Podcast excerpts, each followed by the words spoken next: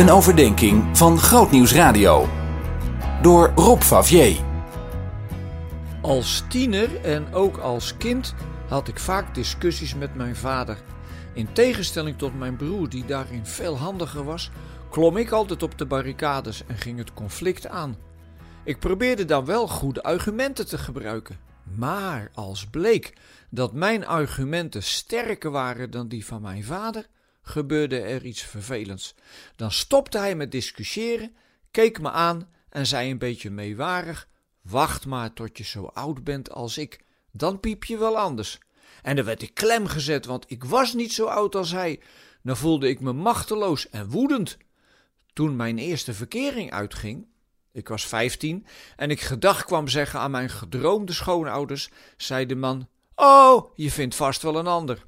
Dat vond ik vreselijk, want zij had dat uitgemaakt en ik was daar als puber natuurlijk helemaal kapot van. Ik voelde me alweer niet serieus genomen. Dit zijn zomaar wat voorbeelden van hoe volwassenen kinderen klem kunnen zetten op een oneigenlijke manier.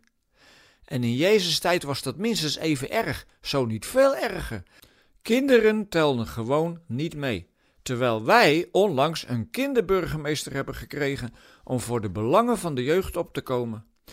Dus toen mensen hun kind bij Jezus brachten om het te laten zegenen, deden de discipelen behoorlijk lelijk tegen ze. Het gebeurde veel vaker dat ouders hun kinderen bij de rabbijn brachten om ze te laten zegenen en voor ze te laten bidden. Maar dat vonden de leerlingen van Jezus blijkbaar te veel gevraagd voor hun druk bezette leider.